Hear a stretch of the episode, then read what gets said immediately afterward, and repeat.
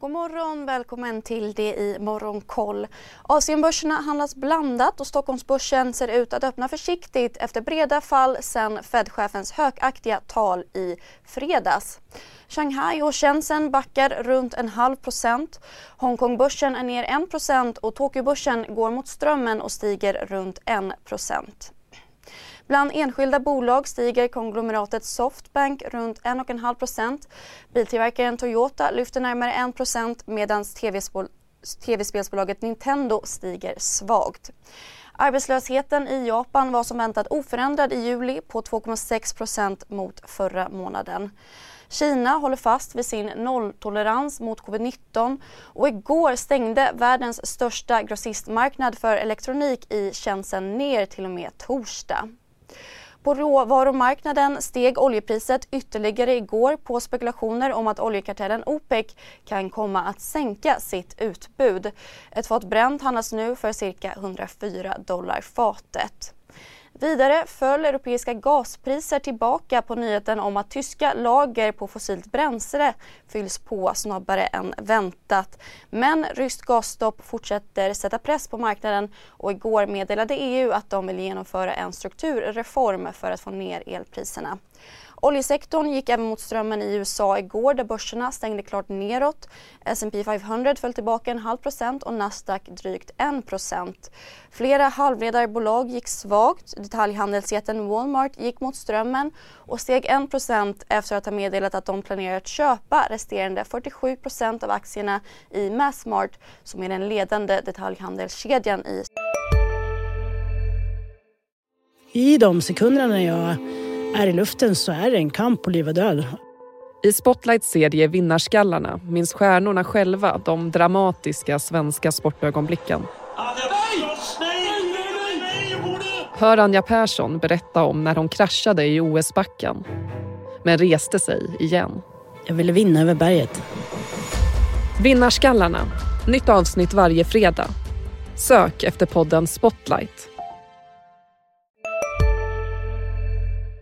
Södra Afrika. Det kinesiska e-handelsbolaget Pinduoduo rusade närmare 15% efter att ha rapporterat bättre resultat i kvartalet än väntat. Och börsnoteringen av ex-presidenten Donald Trumps sociala medieplattform Truth Social ser ut att dra ut på tiden.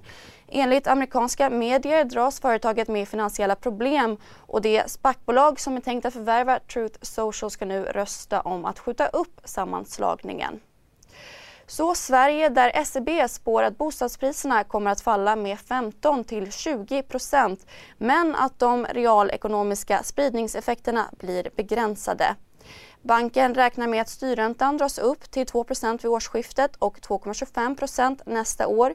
BNP spås öka 2,6% i år och 0% 2023. Det är enligt SEBs konjunkturrapport.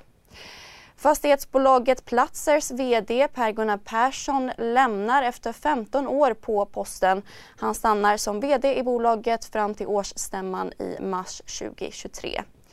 Och den börskollapsade maskinåterförsäljaren för Nordic har kommit överens med maskinproducenten Volvo CE om att säga upp försäljningen i Ryssland.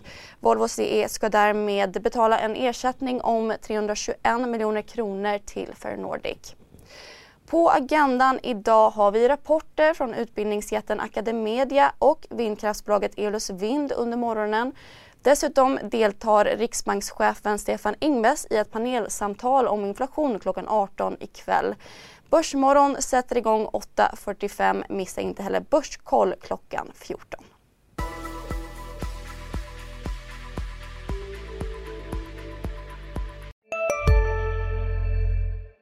CSRD.